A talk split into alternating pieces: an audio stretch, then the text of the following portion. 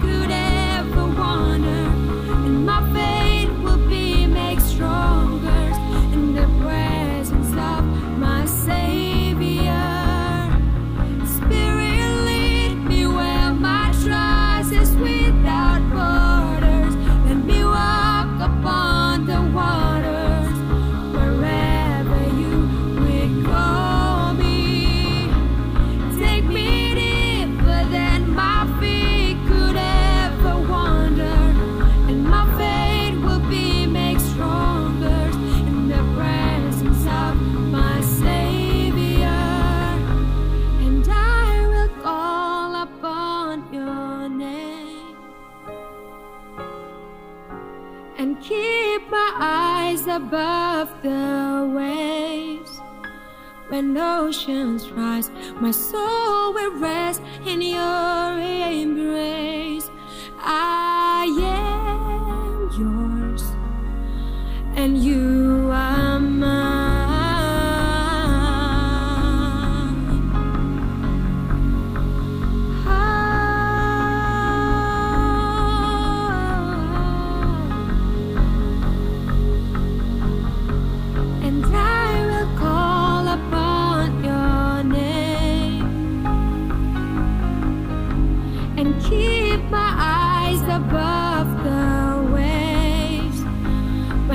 Emotions rise.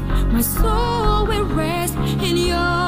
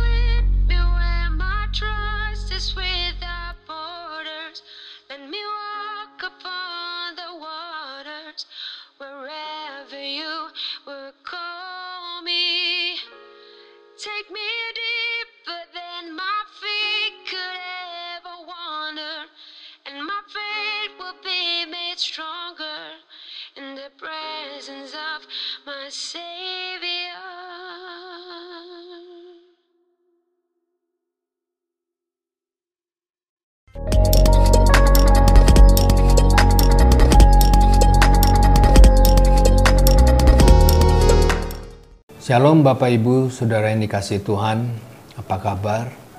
Saya berdoa agar Bapak Ibu semua dalam keadaan baik, sehat, dan selalu dalam lindungan Tuhan yang sempurna. Renungan pagi ini saya beri judul Acuh Tak Acuh. Baru-baru ini saya mendengar berita wali kota Banjarbaru, Najimi Adani, meninggal dunia karena COVID-19. Usai pemakaman, wakil dari wali kota menyampaikan pesan yang disampaikan almarhum Najimi Adani sebelum meninggal agar warga Banjarbaru senantiasa menjaga kesehatan dan menerapkan protokol kesehatan agar terhindar dari virus COVID-19.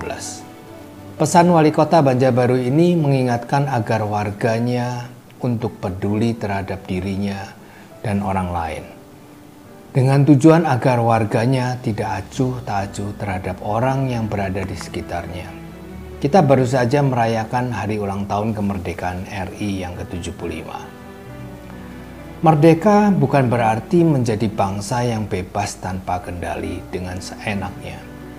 Tetapi kita harus menjadi bangsa yang juga peduli. Merdeka artinya kita ambil tanggung jawab.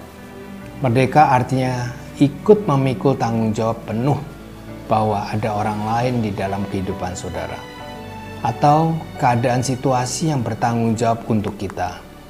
Kita tahu sekarang kita sedang mengalami krisis. Bangsa sedang menghadapi tantangan yang berat akibat pandemi. Maka kita semua harus peduli, peduli kepada sesama, peduli kepada orang lain, tunduk dan taat kepada peraturan pemerintah. Salah satunya menjaga kesehatan dan menerapkan protokol kesehatan dalam melakukan kegiatan sehari-hari. Menjadi bangsa yang tidak acuh tak acuh. Nah, renungan pagi ini saya akan membahas firman Tuhan mengenai orang Kristen yang acuh tak acuh. Jangan kita pada saat dijumpai Tuhan menjadi pribadi yang acuh tak acuh. Karena kita dipanggil untuk menjadi berkat. Kita dipanggil untuk menjadi terang, kita dipanggil untuk menjadi saksi Tuhan yang menyatakan kemuliaannya. Mari kita baca di Alkitab Ratapan 1, 12 sampai dengan 15. Acuh tak acuhkah kamu sekalian yang berlalu? Pandanglah dan lihatlah.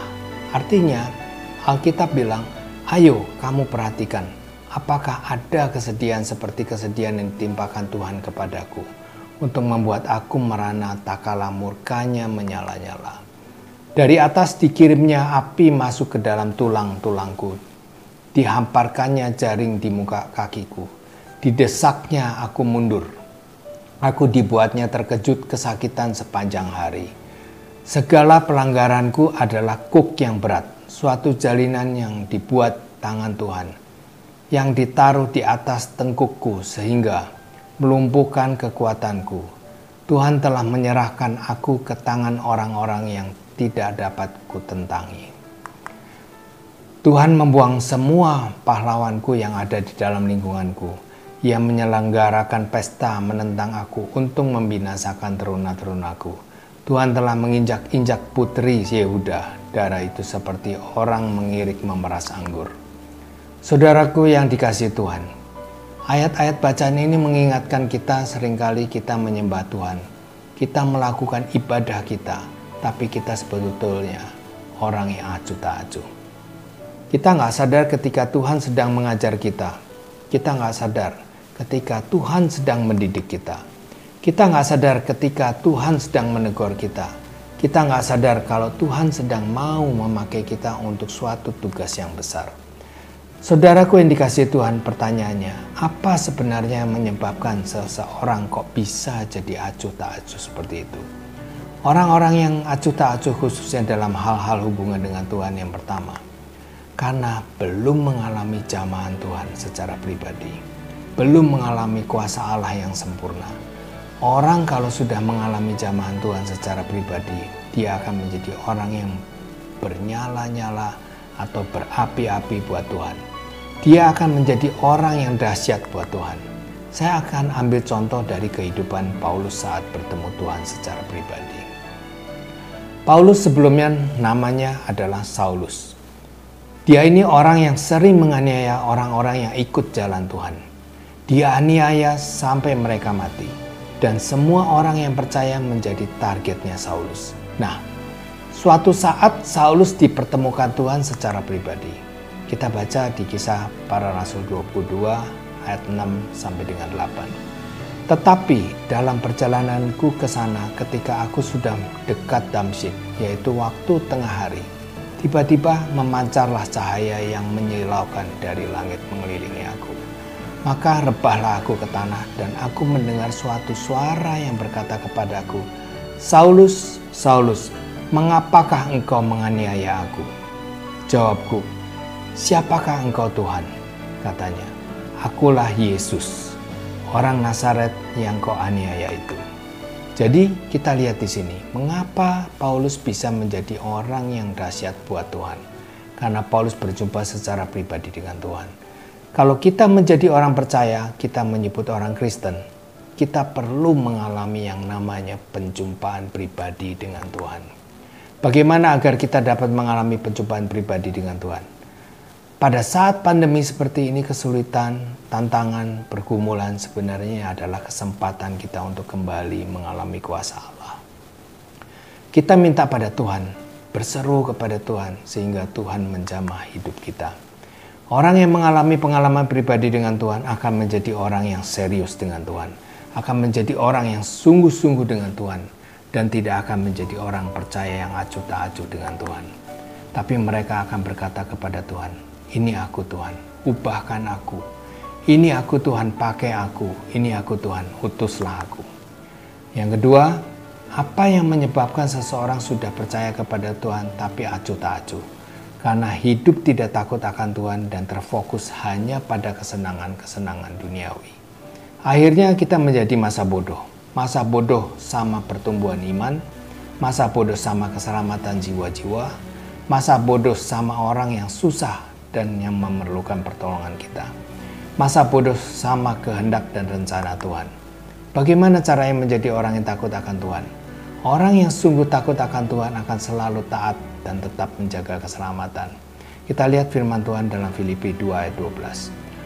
Hai saudara-saudaraku yang kekasih, kamu senantiasa taat, karena itu tetaplah kerjakan keselamatanmu dengan takut dan gentar. Bukan saja seperti waktu aku masih hadir, tetapi terlebih pula sekarang waktu aku tidak hadir. Saat ini kita masih belum dapat beribadah bebas secara offline. Tapi kita harus tetap menjaga keselamatan, tetap dekat dengan Tuhan, tetap kerjakan keselamatan dengan takut dan gentar. Yang terakhir, apa yang menyebabkan seseorang itu sudah percaya kepada Tuhan tapi acuh tak acuh? Karena hidup kita tidak memiliki visi yang jelas. Saudara yang dikasihi oleh Tuhan, kita hidup bukan asal hidup. Kita hidup untuk meluaskan pekerjaan Tuhan. Kita hidup untuk meninggikan nama Tuhan. Kita hidup untuk membawa damai. Supaya lewat hidup kita, terang Kristus boleh menyala di tengah dunia yang gelap ini. Kesimpulannya, apa yang dapat menyebabkan seseorang acuh tak acuh? Yang pertama, karena belum mengalami jamahan Tuhan.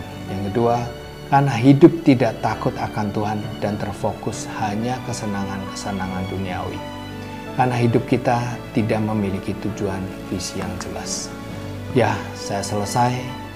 Saya berdoa agar setiap kita yang mendengarkan renungan pagi ini menjadi orang-orang percaya yang tidak acuh tak acuh dan menjadi kepanjangan tangan Tuhan. Amin dan Tuhan Yesus memberkati.